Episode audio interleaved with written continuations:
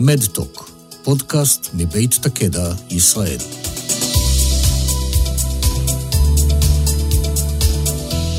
שלום לכולם, אנחנו בפודקאסט נוסף מבית מדטוק של תקדע ישראל. והיום אנחנו שמחים ושמחות לארח את אפרת אנזל, מומחית קולינריה וקיימות, עוצרת קולינרית ויוצרת תוכן. שלום אפרת. שלום, שלום. לקראת ראש השנה באנו לדבר על שינוי, התחדשות, איך עושים שינוי ואיך עוברים תהליך של הקניית הרגלים חדשים, שעוזרים לא רק לנו, אלא לכל העולם שסביבנו. אפרת תיקח אותנו למסע מרתק לתוך הבתים שלנו והמטבח שלנו, ההרגלים שלנו, איך אנחנו יכולים לעשות שינויים קטנים לטובת כולנו. ולסיום, נקבל את המתכון הכי מדובר עלי אדמות לקראת ראש השנה. אז שלום אפרת, מה שלומך היום? מצוין, מאוד, מאוד שמחה להיות כאן. אנחנו שמחים... על תקן המרואיינת ולא זאת שמנחה את הפודקאסט. נכון, בדרך כלל את יושבת בצד השני, ואני ממליצה לכל מי ששומע להיכנס ולהאזין לפודקאסט שלך, הוא מרתק. תודה רבה. אני לא בטוחה אם את יודעת, אבל אה, חברת הקדע היא חברת פארמה גלובלית, בת כמעט 250 שנה. וניתן לחשוב שיש לנו רק עניין להשפיע לטובה על העולם בהיבטים של פיתוח תרופות, לסייע למטופלים בכל רחבי העולם. אבל בשנים האחרונות, כמו עוד הרבה חברות ואנשים, תפסנו את עצמנו, והבנו שאנחנו חייבים, יכולים, ובעצם עושים בפועל שינוי. גם באיך אנחנו מנהלים את העסק הזה, מה ההשפעה שלנו על כדור הארץ, בכל צעד ושעל שלנו. אז אנחנו היום בתהליך של מחקר ופיתוח על אריזות התרופות שלנו אפילו, איך לעשות אותן מקנה סוכר, איך לעשות אותן מתכלות, וזה מאוד מורכב בכל שמדובר באריזה של תרופה. יש לנו מתקני ייצור בכל רחבי העולם עם אפס פליטת פחמן, התקנו מערכות לשימוש חוזר במים, אפילו רכשנו קומפוסטרים לעובדים שחפצו בכך. אז איפה נמצאת ישראל בכלל בבזבוז מזון? יש איזה מדד שמודד מה אנחנו עושים לכדור הארץ? תראי, קודם כל אני רוצה להגיד שאפו לחברה. לא ידעתי את כל הדברים האלה עליכם, אבל אני חושבת שזה באמת אה, משקף את כל הלך הרוח אה, בעולם, שאנחנו כבר לא סומכים על ממשלות שיעשו פה את השינוי. וגופים פרטיים צריכים לקחת את, הדבר, את העניינים לידיים בשביל להתחיל לשמור על הפלנטה. אם נחכה שהדברים יעשו ברמת, ברמה הגלובלית, שום דבר לא יקרה, ואנחנו במאני טיים של אה, כדור הארץ. עכשיו, לשאלתך, אה, קיימות זה דבר שבאמת בא לידי ביטוי בכל אספקט במטבח הביתי. אני, אגב, בשנים האחרונות, לא אגיד בשנים האחרונות, בחודשים האחרונים, מנסה להתרחק מהמושג קיימות ולהתייחס יותר לקולינריה מודעת, כי יש משהו בקיימות שזה כל כך גדול וכל כך מפחיד, שלאנשים נראה שאני לא אצליח לעשות לבדי איזשהו שינוי משמעותי, אז אני כבר לא אעשה בכלל. נכון, האם אני צריכה פתאום להפוך לגרטה טומברג ולצאת להפגנות לא. עכשיו, וממש לא לגעת באף שקית פלסטיק בחיי? אז, אז לא, אי, אי אפשר להיות uh, טהרנים ואי אפשר לשנות את אורחות חיינו uh, מקצה לקצה בן ליל. מה שכן אפשר לעשות זה להבין שכל צעד קטן משנה. שכל דבר קטן שאני עושה, ברגע שאני מכפילה אותו במיליוני אנשים ומיליארדי אנשים, אז יש לו uh, אפקט. אם אנחנו מדברים על... Uh, מיליארדים של שקיות שנזרקות כל שנה על האשפה, וכל בן אדם בעולם יחסוך שקית פלסטיק אחת, אז חסכנו תשעה מיליארד רק של שקיות. אז בהחלט יש משמעות לכל בן אדם ולכל מעשה, אה, וכן, זה דורש, זה לא דורש מאמץ, זה דורש אה, מודעות. זה דורש את השנייה הזאת של לעצור לפני שאני עושה משהו, בשביל להגיד, אוקיי, פה אני יכולה לעשות שינוי. אה, אני אתן לך כמה דוגמאות, כי, כי זה endless, באמת. זה אומר ששנייה לפני שזרקתי את הירק לפח, אני יכולה לחשוב אם אולי אני יכולה לעשות איתו עוד איזשהו שימוש. אה, נכון, הוא כבר לא מושלם והוא לא יפהפה והוא כבר לא, לא, לא ימלא תפקידו בסלט, אבל יכול להיות שהוא יכול להיכנס לתבשיל. תני לי דוגמה. תראי, אה, גזר למשל, אז באמת, אנחנו אוהבים משהו טרי והוא, והוא מקסים, אבל קודם כל, כשהוא מתעייף, אז אה, אפשר לשים אותו בתבשיל והוא יהיה מצוין. אה, גם בתבשיל שלא תוכנן להיות בו גזר, אנשים נורא מפחדים לאלתר, זה בסדר, לא יקרה שום, שום דבר אם תשימו אותו. אבל גם אנשים לא יודעים שאם הם היו לוקחים את הגזר המותש הזה מהמקרר וישימו אותו במי קרח במשך שעה, הוא סופח נוזלים מחדש והוא כאילו יצא מהשדה הרגע. וואו, חתיכת פטנט. חתיכת פטנט. אה, בואי נדבר על העובדה שכשאנחנו קונים ירקות, בעיקר אם קונים את זה ישירות מחקלאים, יש שם המון המון ירק שאנחנו זורקים לפח, וחבל. למה אני מתכוונת? קודם כל, כשהירק מאוד מאוד טרי, אז הקליפה שלו הרבה פחות סיבית, לא צריך בכלל לקלוף אותו, מספיק לקרצף אותו עם איזושהי, יש לי ספוגית, את יודעת, ליד הכיור שהיא ללא סבון כזאת, נועדה רק לקרצף ירקות, והנה יש לי עוד עשרה אחוז ממשקל הירק. נכון. עכשיו, זה לא בא ממניע של לחסוך כסף, גם, כן? אבל זה לא המניע העיקרי, המניע הוא שאם אני עכשיו אה, חסכתי את העשרה אחוז, זה אומר שאני יצטרכו לגדל פחות עשרה אחוז ירק. בסופו של דבר יצרתי כלכלה שהיא יותר אה, בריאה ושהיא יותר אה, חסכנית, ואז צריך פחות משאבים לכדור הארץ כדי לגדל עוד ירק. אבל הגזר הזה, גם כשאני קונה אותו טרי, מגיע עם עלים נהדרים נכון. מעליו. העלים האלה מעולים. כבר שילמתי עליהם. אני צריכה להשרות אותם בתוך, את יודעת, איזו קערה מלאה במים, כי הם בדרך כלל מלאים בחול. ואז מה אני יכולה לעשות איתם? הם מלאי פטרוזיליה לכל דבר ועניין. הגזר הוא קרוב משפחה של הפטרוזיליה, לעלים שלו יש טעם של פטרוזיליה. אה, אם אני קוצצת את זה דק, דק, דק, עם מג'י מיקס, זה ממש על תקן אה, צ'ימיצ'ורי, יכול... מדהים. שום, שמן זית, לימון, יהיה לך צ'ימ- צ'ימיצ'ורי.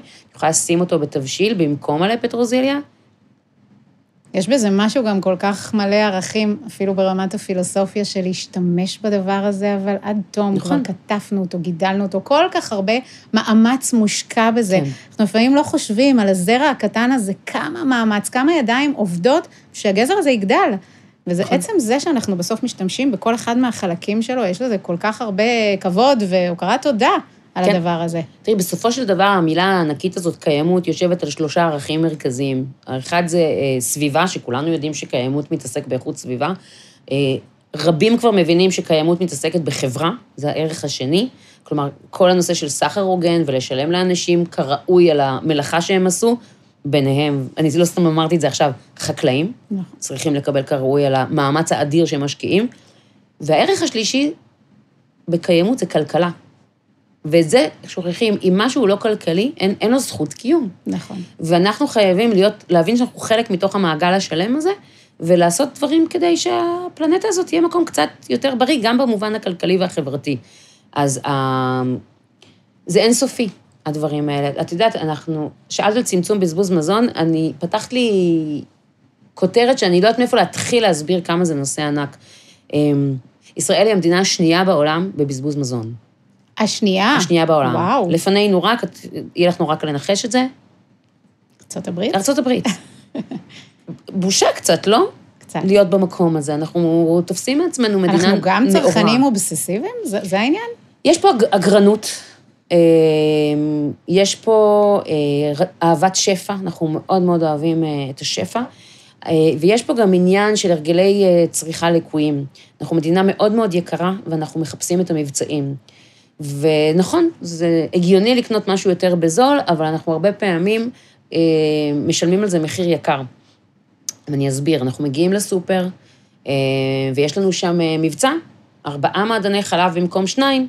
עכשיו, לי ברשימה כתוב שני מעדני חלב, כי אני יודעת שזה מה שהילדים שלי צריכים בשלושה ימים הקרובים. את יודעת, אני לא רוצה שיאכלו מעדן כזה כל יום, כי זה מלא סוכר. אז כתוב לי שניים, אבל הגעתי לסופר, והשניים הבאים בחצי מחיר. אז מה, אני לא אקנה את זה? אני רוצה לקנות כי אני חוסכת כסף. אבל חזרתי הביתה, ובאמת, שניים זה מה שאני צריכה. השניים האלה שקניתי במחיר יותר זול, עלולים ללכת לפח.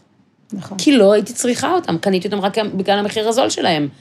זרקתי אותם, ומה שיצרתי עכשיו זה בזבוז מזון. זאת אומרת שאנחנו אומרים, קודם כל, שאנחנו מגיעים לסופר להגיע עם רשימה. להגיע עם רשימה. בטח. לא להגיע ככה פרי סטייל ועוד רעבים, שזה בכלל אסון טבע. אסון טבע. עכשיו, הרבה פעמים כשאנחנו עושים סדר פסח, תרשי לי לנחש, אנחנו פתאום מוצאים את כל המוצרים הפגי תוקף שיש לנו, נכון. וכל מיני אורז של פעם ופסטות של נכון. פעם, שאנחנו כבר מעיפים וזורקים מהבית. אז לשם מה קנינו את זה? קנינו את זה כי טעינו, כי חשבנו שאנחנו חייבים את זה עכשיו בבית ושנחסוך. עכשיו, משהו שחשוב על הזריקה הזאת, כבר הוצאתי את הכסף. זרקתי משהו, בסוף, בסוף קניתי שניים ושילמתי להם יותר. אז אצלך אין מזווה, תני לי לנחש. יש לי מדף אחד של מזווה. אה, עברתי לא מזמן דירה, אז עכשיו גם יש לי פחות מקום אחסון, וזה מבורך. יש בזה היגיון, זה גם תופס פחות מקום, את גם כל הזמן רואה מה יש, אז את נמצאת הזמן. בבקרה מה להחליף ומה לא. נכון? וגם תמיד מה שאת משתמשת בו הוא סופר טרי, כי אין לך אורז מלפני חצי שנה. זה נכון. אגב, גם באמת באורז יש התיישנות, הוא פחות אה, טעים, הוא פחות... ברור. אה, הריח שלו פחות נעים כשהוא אה, מתאפש. ומה עושים עם מוצרי חלב? אני יודעת... אני אגיד לך, רגע, רגע, כן. על המזווה, תכף נגיע למוצרי החלב, אוקיי. זה, כי זה חשוב ומעניין מאוד. המזווה הזה, ברגע שיש לי מזווה קטן, אני בהכרח יוצרת גיוון. למה? כי כשהלכתי לסופר קניתי את האורז וקניתי גם עדשים ואולי קניתי קינוע. ואז אני חוזרת הביתה, וכאימא שרוצה לה- להאכיל את הילדים שלה כל יום, הבחירה הקלה היא לה- להאכיל יום אחר יום באורז. כי זה אני יודעת שבוודאות שהם יאכלו. אם אני רוצה כל פעם לגמור את המזווה ורק אז ללכת מחדש לקניות, אז אני מכריחה את עצמי במרכאות לבשל משהו מהקינוע והעדשים. יכול להיות שבארוחת ערב הזאת הילדים שלי יאכלו קצת פחות, וקצת יקטרו יותר, אבל בהכרח יצרתי איזשהו גיוון. הם בהכרח נחשפו לעוד חומר גלם, ורק כשנגמור את זה, בואי נחזור לקנות אה, אורז. כי באמת הכי קל זה לבשל להם כל יום אורז ופסטה. את צודקת, וזו ראייה מאוד מאוד חכמה. והנה, נגענו במוצרי חלב, אני אומרת את זה כי, כי תמיד אני צוחקת, הבית שגדלתי בו, אני לא יודעת אם זה בגלל שזה דור שני לשואה, צנע, מה שלא תרצי, לא זורקים אוכל. לא זורקים אוכל, זה תמיד משהו שאנחנו הסתלבטנו על אימא שלי, והיום דווקא כשיש לי מטבח משלי, אני מאוד מבינה אותה. בשביל מה יש מקפיא? זאת אומרת, גם אם משהו כבר היא, הכינה וקצת יותר מדי, והיא רואה שלא יאכלו, זה תמיד נכנס למקפיא. מוצרי חלב מבחינתה, התאריך הוא המלצה, זאת אומרת, גם אם. הגבינה פג התוקף, תמיד אמרה לי, תשתמשי בחוש הריח, תריחי, ואז את יודעת אם זה טרי או לא. וגם אם את מתלבטת וזה אולי קצת חמוץ, תמיד אפשר להכין פשטדה. אז האם אנחנו דוגלים באורח חיים כזה, או שהוא קצת מוגזם בעינייך? תראי איך בורחת אה, עם אימא חכמה כזאת, באמת, בורחת. כי אני גדלתי בבית, ויסלח לי אחי הגדול שאם הוא יאזין לתוכנית, הוא אולי אה, יהיה נב- נבוך, אבל אוהד, אוהד, אנחנו מתנצלות בוא מראש. נגיד את זה בקול רם. היוגורט לא מחכה במקרר לשעה 12 בלילה, כשיגיע התאריך, ואז אני מתקלקל באותה שנייה, אוקיי? הוא, הוא ליתר ביטחון אה, מגדיל לעשות, אני מקווה שהוא שינה את אה, דרכיו, אגב, לא שאלתי אותו לאחרונה. יום לפני כבר, הוא, ליתר ביטחון אה, נפטר ממעדן החלב. רבים וטובים עושים, זאת לא רק אוהד. ובאמת, אימא שלך צדקה, יש לנו חוש טעם ויש לנו חוש ריח, והם נהדרים, ואם משהו טעים, הכל בסדר, אפשר להשתמש בו. אה, יוגורט בכלל, יוגורט זה מוצר שנולד חמוץ, הוא נולד מקולקל, אה, אז אין שום סיבה לזרוק אותו. וכן, אין, ברגע שיש לי גבינות שהולכות להתקלקל, אז כן, מערבבים אותן והן נכנסות לאיזשהו אה, מאפה, או אפשר לעשות אפילו טוסט, כאילו עם כל מיני תערובת גבינות, מי אמר שזה חייב להיות גבינה צהובה. אה, זאת אומרת, גם אם זה. גבולי, ברגע שאנחנו הופכים את זה למאפה, אז כבר אין את הסיכון שחלילה יש בפנים משהו לא בסדר. אין שום סיכון. אפילו, את יודעת מה, אנחנו הכי פוחדים בדרך כלל מנקניקים. גם שם, תריחו, ביס קטן, הכל בסדר. לא יקרה לכם שום דבר. גם קופסאות שימורים, את יודעת, אנחנו רואים את התאריך ונורא נורא נורא נבהלים. עכשיו, ברור שבשימורים, אם הקופסה מתנפחת, אז זה עלול להיות מאוד מאוד מסוכן. אבל בואי, בצרפת בכלל אין תאריך תוקף לשימורים. כתוב את תאריך הייצור. כותבים מתי הוא נוצר, לא עד מתי זה טוב. ואת יכולה גם לצרוך יש הימורים שאחרי חמש שנים ועשר שנים הכל בסדר. מדהים, לא כן. ידעתי את זה. כן. בכלל שימורים צריך אה, להחזיר אותם אה, לחיינו. אנשים חושבים ששימורים זה מלא בחומרים משמרים. נכון. לא. כל הנושא של קופסת שימורים זה שזה אפס חומרים משמרים, זה שימור שמבוסס על היעדר חמצן, פשוט האוכל לא מתחמצן. אז אה, זה משהו שהוא הרבה יותר בריא ממה שאנחנו חושבים. אז אפשר לצרוך אותם בלי יותר מדי איסורי מצפון. לגמרי. זה, זה דרך לגיטימית ונהדרת לשימור מזון, מחוץ לעונתו. אה, את יודעת כמה עגבניות יש לנו בקיץ, וכל הנושא של לייצר רוטב עגבניות נולד מתוך הרצון לשמר את העגבניות לעונות שבהן אין עגבניות. אנחנו הולכים לסופר ואנחנו חושבים שעגבניות צומחות וגדלות כל השנה. עדיין לעגבניות יש עונה. זה שלמדנו לגדל את זה מחוץ לעונתה, באמצעים, את יודעת, מלאכותיים, של חממות למשל, זה עדיין לא אומר שעגבניה אין לה עונה. ובעונה שלה, בקיץ היא בשיאה, וזה הזמן שתעשיית השימורים משמרת את העגבניות, ואז יש לנו עגבניות הרבה הרבה יותר טעימות, גם בחורף. ואגב, עגבניות, איך, כשאני הולכת לסופר ואני נכנסת ואני צריכה ירקות ופירות, איך את יודעת כמה את צריכה? איך לכמת את זה? אני צריכה שני קילו תפוחים, אני צריכה עשר, כמה עגבניות לקנות, שבסוף אני לא אזרוק אותן, שהם יישארו טריות, ואני לא תמיד אהיה חייבת לרוץ לבשל שקשוקה עם הכמה שנשארו לי. אז, אז אני אציג שתי שיטות עיקריות, שאני חושבת שהאחת היא האוטופית והשנייה היא טיפה יותר פרקטית. האוטופית זה מה שאני חושבת שצריך לחיות, שזה קנייה ישירה מחקלאים. אמ, שא' נתפסת כיקרה יותר, נכון. אבל היא לא. היא לא, כי ברגע שאני קונה ישירות מחקלאים, אני קונה ירק שהוא אה, הרבה יותר טרי. הוא עבר הרבה פחות אה, שינוע ומעגלים וסיטונאים והכול, ולכן הוא יותר טרי וזמן המדף שלו ארוך יותר. אה, זה דבר אחד, ו, ודבר שני, אני צרכתי ירק שהוא יותר עונתי, כי לחקלאים אין את החדרי קירור הענקיים שיש ברשתות השיווק, וברגע שהוא עונתי, אז הוא גם יותר מותאם לעונה, יותר מותאם לאקלים, ולכן יחזיק לי יותר מעמד אה, בבית. אחרי שקניתי ישירות מחקלאי, אני צריכה להגיע הביתה ולאחסן את זה כמו שצריך. אה, יש היום כל מיני מדריכים של איך לאחסן כל ירק על מנת שיישמר לאורך זמן. אה, ובאחסון נכון, הירק מחזיק מעמד המון המון זמן. למשל, עגבניות לא מכניסים למקרר. משהו חדש שלמדתי עכשיו. זה משבש להם את הטעם לגמרי ומקצר להם את החיים. אז אלא אם כן זה ממש חום אימים, שיא הקיץ, על השיש בבית, הן נשמרות הכי טוב. אז זה הדרך האוטופית. אפשר לדבר עליה עוד רבות. תגידי לי, נפתח את הסוגריים האלה אחר כך שוב. הדרך הטיפה יותר אה, מציאותית לטובת אנשים ש... שלא בשלים לעשות את השינוי של קנייה ישירה מחקלאים, זה לקנות כל פעם קצת לפי מה שאני באמת באמת צריכה. אני יודעת שזה מאוד נהוג באירופה, הרבה פעמים כן. אנשים הולכים לשווקים, קונים את ארוחת הצהריים שלהם כל נכון. יום. קצת דג, קצת, אה, נכון. זה, קצת לחם, קצת, הכל, הכל, הכל וקצת. אז לצערנו, לגמרי זו השיטה הכי טובה, רק לצערנו אין לנו כל כך שווקים בישראל, אה, עירוניים, וגם לא לכולם יש נגישות. בדיוק, ו- ואין לנו גם תרבות פנאי, כלומר, אנחנו עובדים עד שעות מאוד מאוד מאוחרות, נכון. אנחנו חוזרים הביתה בשעה משוגעת, מאוד קשה כל יום לקנות את מה שאני צריכה לארוחת ערב, אבל כן אפשרי לעשות את זה פעם ביומיים, שלושה. עשר דקות בדרך הביתה, ואז לא מצטברים דברים. ואז פשוט צורכים פחות. ואת שואלת, כמה צריך? ברגע שקונים על בסיס יומיומי, אז אין את הקטע הזה של לקנות שני קילו. תקשיבי, לקנות שני קילו תפוחים ולצפות להשתמש בכולם, זה, זה אוטופיה. בסופו של דבר, הם יגיעו לריבה, שזה בסדר. אבל אני מקווה שהם יגיעו לריבה ולא לפח. נכון. אה, לי יש אה, נוהג של אה, שבת אחרי צהריים ככה, שחזרנו מבילוי שבת, שזה שעת השימורים שלי, אה, שזה להסתכל על כל מה שנשאר מהשבוע הקודם, ולחשוב איך אני יכולה לדאוג לו, שישרוד גם עד שבוע הבא. וזה בדרך כלל יהיה איזשהו ממרח, איזשהו פסטו מכל העשבים, יהיה איזושהי ריבה. ואני אומרת, לא, אנשים אומרים לי, אבל יש לי תפוח אחד, נקטרינה אחת ושלושה תותים, מה את רוצה שאני צריך אעשה? להיות נורא יצירתי, אפרת, לא כולם יצירתיים כמוך. ריבה. לא חייבים שריבה יהיה עליה כותרת תות או נקטרינה, ריבת פירות. חותכים את כל הפירות, שוקלים את המשקל הנקי שלהם, נגיד יצא לי 300 גרם. שוב, לא צריך להגיע למשקלים גדולים, 300 גרם, חצי מזה כמות סוכר אני שמה, 150 גרם סוכר, שמים בסיר קטן, מבשלים שעה, נהיית ריבה. תענוג, והנה, יש לנו פינוק לבראנץ' של שבת בבוקר. בדיוק, וזו צנצנת קטנה, לא כל דבר צריך להיות עכשיו כמויות, כי באמת כשמגיעים לכמויות, אז למי יש כוח להתעסק עם זה? נכון. טק, טק. נכון, וכנראה מומלץ גם להיכנס לאתר שלך ולשאול קצת רעיונות, וללמוד, ולשמוע. כן, ואני צריכה לרענן יותר, כי יש לי כל כך הרבה עוד מתכונים לתת, ואני לא נותנת מספיק, אני לא מספיקה. אז יאללה, אנחנו יוצאים פה בקריאה. כן, כן, לגמרי. לא, זה ו- מצחיק שאת אומרת את זה, כי זו אחת ההחלטות שלי לשנה החדשה, להאיר את האתר שלי.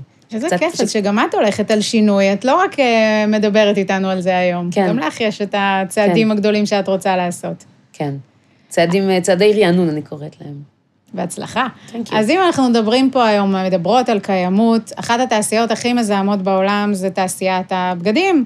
כמו Mhm. שאנחנו יודעים, דיברנו על אה, ארבע מילקי בעשר, ומה אנחנו עושים עם אה, ארבע במאה כשאנחנו עוברים בקניון ורואים את כל המבצעים המפתים האלה. זו תעשייה מזהמת מאוד.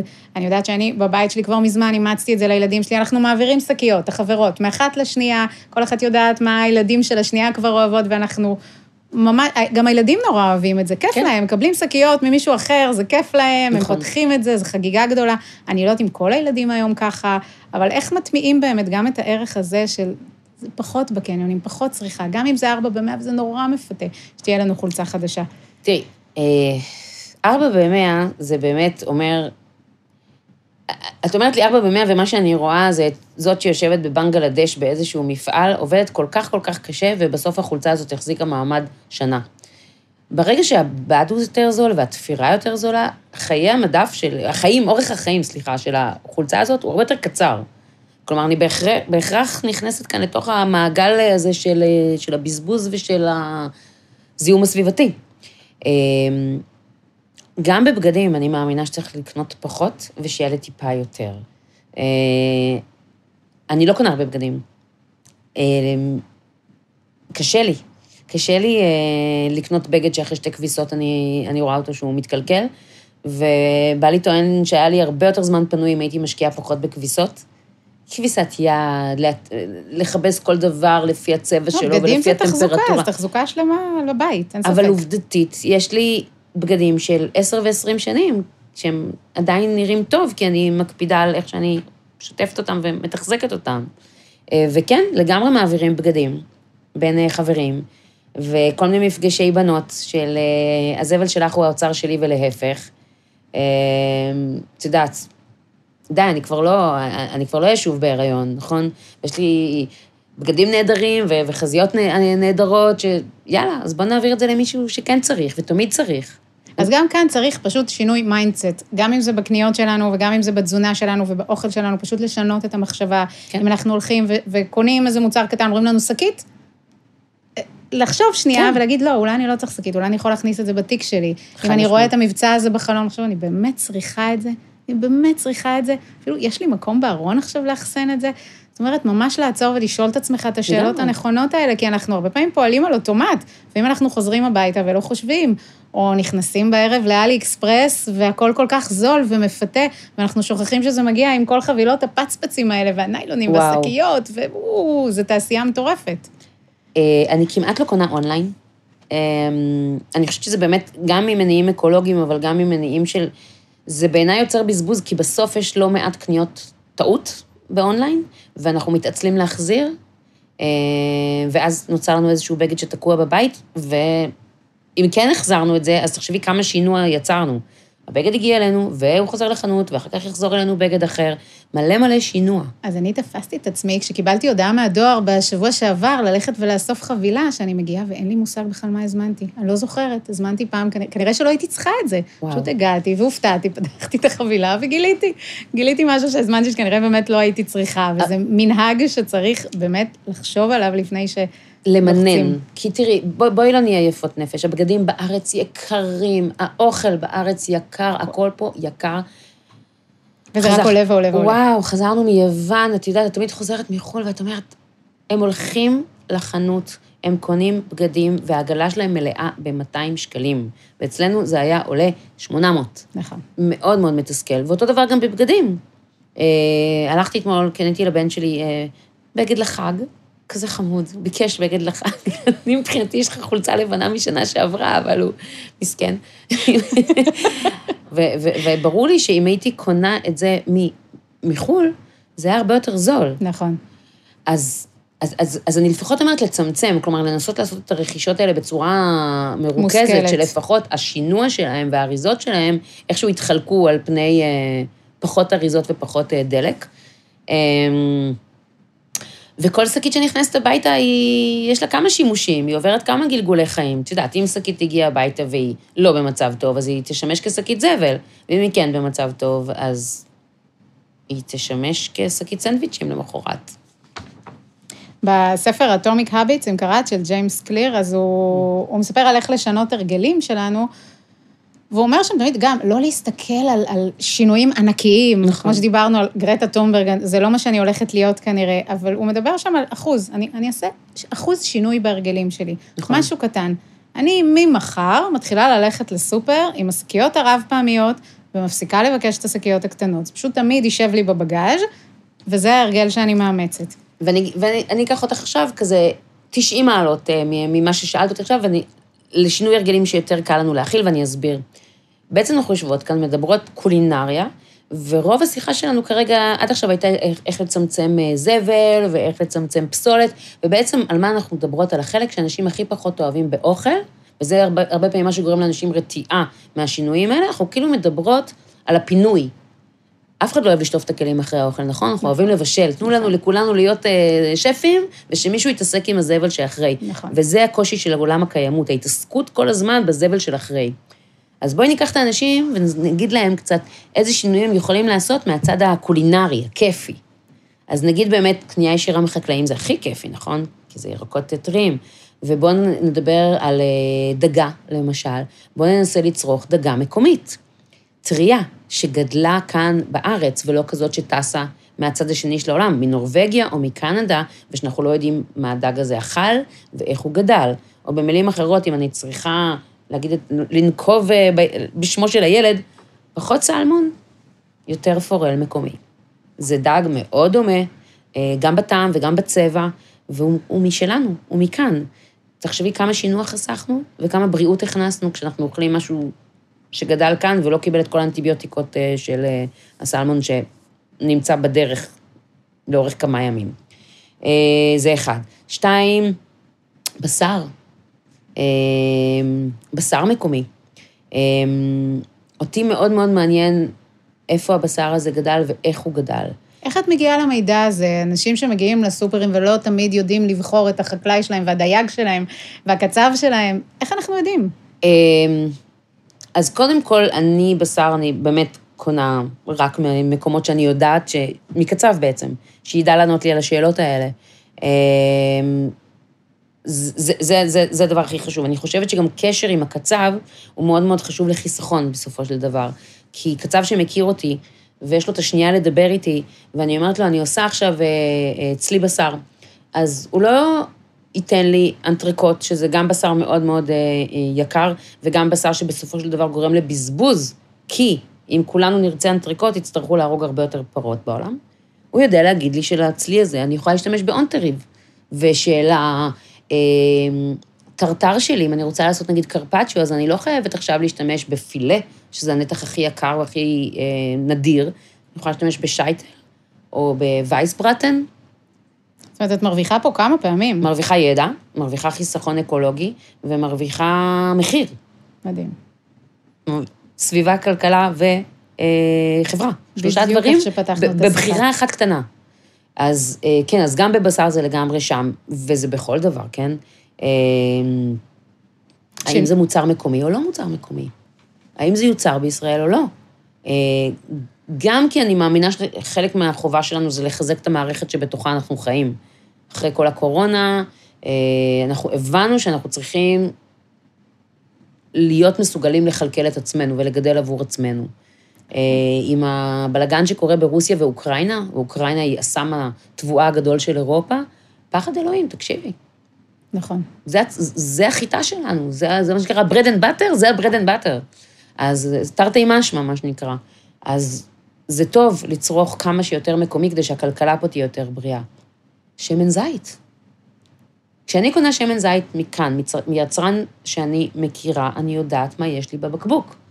כשאנחנו מייבאים שמן זית, כמה פיקוח יש על שמן הזית הזה בחו"ל? האם אני בטוחה שהוא באמת 100% שמן זית? זה כבר מטריד. בטח שזה מטריד. מאוד, אותי זה מטריד, נכון, הדברים האלה. נכון. ושוב, יקר, כן? זה, זה לא פשוט. אה, אני רק חושבת שפה אנחנו עולים לעניין ממשלתי שקצת אפשר אה, לשנות את הכלכלה. שבעזרת אולי גם קצת אה, רוח גבית רגולטורית, יכול להיות שאפשר לסדר את הדברים האלה. בטוח שאפשר לסדר את זה. אבל אנחנו רואים את זה על, על שינויים אחרים. סתם, היינו מדברות לפני, אה, אני יודעת מה, 20 שנה, והייתי אומרת לך, את יודעת, אפרת, יום אחד יפסיקו לעשן במטוסים. יום אחד יפסיקו לעשן במסעדות. את מסתכלת עליי כאילו אני משוגעת, מה פתאום? טיסה טרנס-אטלנטית, מישהו יעבור בלי סיגריה? היום זה נראה לך אבסורד לראות נכון. בן אדם בקניון, נגיד, מסתובב עם סיגריה. זה. שינוי שהוטמע באמת הודות ל- לרגולציה, ו- ו- והוא עשה המון שינוי באנשים. כן. ההסתכלות שלנו אחרת, גם אגב ללכת ולאסוף את הגללים של החיה שלך אחרי שהיא הולכת, זה היה נראה. לנו פעם דבר לא נורמלי. פעם היה נראה לנו לא נורמלי לשים חגורת אה, בטיחות, והילדים שלנו גדלו לתוך זה. נכון. זה בדיוק מה שהולך לקרות עם החד פעמי. יש אנשים שהיום אומרים, אבל איך אפשר לחיות בלי חד פעמי? והילדים שלנו, הבן שלי, הוא בהלם כשהוא רואה חד פעמי. כי הוא הולך לבית ספר ואוכל בכלים רב פעמיים, תודה לאל. אני הייתי בכלל בהלם לגלות שיש בתי ספר שמגישים בחד פעמי. וזה בדיוק מה שקרה עם הפרחים המוגנים בשנות ה-80, את זוכרת. נכון. אנשים היו קוטפים להם כלניות לחג, וזה היה מקסים, עד שהבינו שזה לא כל כך נכון לעשות את זה, וזה הוטמע דרך הילדים. נכון. הילדים קיבלו את זה בבית ספר, והילדים אמרו להורים, לאמא ואבא בפיקניק, חלאס עם לקטוף, נכון? וזה הוטמע. כן. היום, אני לא חושבת שיש מישהו שעושה כזה דבר. אז גם החד פעמי, אה, הדרך היא דרך הילדים, ובכלל, כל הנושא הזה של צריכה נבונה ושל אה, גיוון אה, תזונתי, דרך הילדים, צריך ללמד אותם את הדבר הזה. אז היום לפיקניק, את לוקחת איתך את ערכת הפיקניק כן. שלך, עם, עם כלי הפלסטיק הרב פעמים, אבל באמת שיכולים לרוץ איתנו עכשיו ל-50 שנה הבאות. נכון. יש, יש לי סט מרוסטה ויש לי סט מייל, הם לא, הם לא מפלסטיק. אגב, הכוסות מרוסטה זה נהדר, הן שומרות על הקור גם של המשקה כשהוא בתוכן. אה, אז כן, ממש אין לנו שום חד פעמי. אם נכנס לי פלסטיק הביתה, את יודעת, מצחיק, בבית הקודם, הכלי פלסטיק היו במטבח במקום די גלוי, ואנשים שהיו נכנסים אליי לבית אומרים, אצלך יש פלסטיק? הייתי אומרת להם, זה כל מה שמגיע במשלוחים וזה, אני פשוט המחסן שימצא להם את השימוש החוזר. יום אחד נעשה מזה איזו יצירת אמנות, לא, או נמצא את הדרך להשתמש בזה. אם אני מבשלת ונוסעת להורים שלי לארוחת, לארוחת ערב, אז אני אקח את זה בכלים האלה. כלומר, אני לא אקנה כלים נוספים, אני פשוט אשתמש במה שיש ואמצא לזה כמה שיותר שימושים. כי 95% מהפלסטיק שמיוצר בעולם הוא בשימוש בודד. אז אני אומרת, מספיק שאני לכל חתיכת פלסטיק הזאת מוצאת עוד שניים, שלושה שימושים, אני לפחות מורידה את אה, כמות הפלסטיק ונפח הפלסטיק שיש בעולם. אז בגלל זה אני אומרת, כל, כל, כל שינוי קטן יש לו משמעות. אם, אם קיבלתי אוכל בטייק-אווי ממסעדה, בקופסת פלסטיק, במקום לזרוק את זה לפח, תשתמשו בזה לפעם הבאה שאתם לוקחים אוכל לעבודה, כבר חסכתם שימוש. נכון. כבר חסכתם כלי נכון. פלסטיק אחד. אז זה... אפרת, עשית לי חשק, ממש עשית כן? לי חשק, לקחת כמה מהטיפים פה היום ולהשתמש בהם. זה, ראש השנה זה זמן טוב להתחלות חדשות. לגמרי. ואני אצלי בבית הולכת לעשות את, ה- את השינוי. את יודעת, זה, יש את הקלישאה והלא קלישאה הכי גדולה של צעד קטן לאדם, צעד גדול לאנושות, ואני חושבת שהוא נורא מתאים לנושא הזה, כי כן. זה דברים קטנים שאנחנו עושים בבית, לפעמים לא נדמה לנו כמה זה משפיע, אבל זה משפיע המון. המון. זה משפיע המון גם עלינו, גם על הילדים שלנו, גם על הפלנטה, זה משפיע על כולם. זה באמת בראייה, בראייה רחבה, זה בדיוק מה שאמרת, וזה לא קלישאה, צעד קטן לאדם וצעד מאוד מאוד מאוד גדול לאנושות. מדהים. ואפרת, אם את כבר כאן, כן. אני רוצה להשתמש בעוד כישורים שלך, היות ואנחנו חברת תרופות, ונורא חשוב לנו פה לספר על הפניצילין היהודי הכי עתיק בעולם, ושמועה אמרה לי שלך יש את מרק העוף הכי טוב בעולם, ואני חייבת לדעת לקראת ראש השנה איך עושים אותו. אז קודם כל תודה, וכן, אני, אני מאוד... אה, אני עומדת מאחורי אה, הקביעה הזאת, המרק עוף שלי הוא אגדה. אה, הנחתומה ואני- שמעידה על עיסתה, אני אגיד לך למה. אני מעיד- מעידה על עיסתי, כי זה מתכון של סבתא שלי. הופה.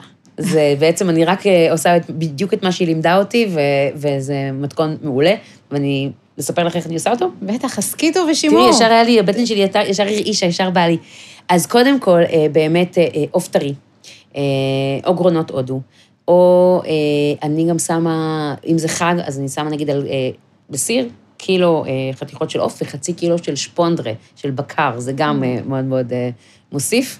אה, שוטפת את זה טוב, שמה את זה בסיר עם מים קרים, ומביאה אה, לרתיחה. והרבה פולניות בשלב הזה היו שופכות את המים, כי כל הלכלוך יוצא. לא, לא, לא, זה השלב שאם אתם שופכות את המים, שפכתם את כל הטעם. זה כל ה good stuff. אז זה, מביאה לרתיחה, ותוך כדי רתיחה כל הג'יפה, בוא נגיד את זה, עולה למעלה, ובעזרת כף אני מסננת מקפ, מקפה, כף, פשוט כן. כן. מורידה את הלכלוך, נותנת לזה לרתוח, את יודעת, איזה חמש דקות כזה, כל הלכלוך יוצא החוצה, ואז כשהמים ככה כבר אה, יותר קליר, מורידה טיפה את הלהבה, ומתחילה אה, להכניס את הירקות פנימה. ירקות שורש, יש את אלה שחובה שיהיו בפנים, שזה אה, שורש סלרי, שורש פטרוזיליה, אה, גזר, אני אוהבת גם לשים קישור, ומאוד מאוד אוהבת לשים קרישה, ובצל כזה, שיהיה קצת מכל דבר, ואני מאוד אוהבת קולרבי. למה? לא יודעת, סבתא שלי הייתה שמה, ומה שהיא עשתה, אני עושה גם.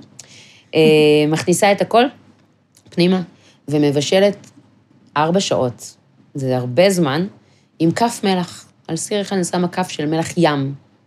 לא מלח גס ולא מלח דק, מלח ים. אה, מדי פעם תואמת, אפשר להוסיף קצת מלח, אבל לזכור שהנוזלים טיפה-טיפה הולכים להצטמצם, ותמיד אפשר להוסיף את המלח בסוף. גם לזכור שהעוף בישראל הוא מוכשר, אז יש, יש בו מליחות טבעית. מומלח ממילא. כן. אחרי בערך שעה מתחילת הבישול עם הירקות, אני קושרת הרבה מאוד סלרי, אה, סליחה, אה, עלי פטרוזיליה, גבעולי פטרוזיליה וגבעולי אה, שמיר, קושרת אותם עם חוט תפירה לבן, ומכניסה פנימה הרבה. ביחד יוצא איזה צרור אה, שלם. אה, ואת כל העלים של הסלרי. בשורש הסלרי הוא בדרך כלל מגיע עם עלים, אל תסרקו אותם, זה הכי הרבה טעם. ואני אגיד שהמרכיב העיקרי באבקת מרק העוף, זה עלי סלרי מיובשים וטחונים. ולכן. הטיפ הזה של לשים את עלי הסלרי, זה מה שיחסוך לכם בסוף להוסיף אבקת מרק. זה הטעם הדומיננטי שאנחנו תמיד זה מחפשים. הטעם הדומיננטי שאנחנו מחפשים אה, במרק. לקראת סוף הבישול אני נפטרת מעלי הפטרוזיליה והשמיר, משאירה את עלי הסלרי, זה בעיניי החלק הכי טעים במרק. וזהו. והופ על הקניידלח. מה זה? והופה לקניידלח, איך בא לי עכשיו כל כך. כן. אז אה, זה מרק העוף שלי, מאוד מאוד מאוד מאוד פשוט, אה, אבל מאוד טעים. אוי, איזה כיף, איזה כיף. שעת צהריים ושתינו כבר רעבות. ממש. אז דיברנו כאן על הקניית הרגלים חדשים, וזה תהליך מעורר השראה שאנחנו יכולים לנטוע שינוי, כל שינוי שאנחנו רוצים, להתחיל לאכול נכון יותר, להתאמן, לצרוך נכון, וכל דרך חדשה שנחליט לצעוד בה. אפרת יקרה, תודה רבה לך על השינוי שאת יוצרת בעולם, ועל זרעים של כל טוב שאת מפיצה. וואי, תודה רבה שהזמנת אותי לפה, זה היה רעיון אה, שגורם לי לח- לי לחשוב, אני אוהבת שגורמים לי לחשוב, ו... ושימחת אותי. איזה כיף. תודה, תודה, תודה. שיהיה לכולכם שנה טובה, שנה טובה. שנה טובה. להאזנה לעוד פודקאסטים מבית הקדע ישראל, אתם מוזמנים לעקוב אחרינו במדוק. כל טוב.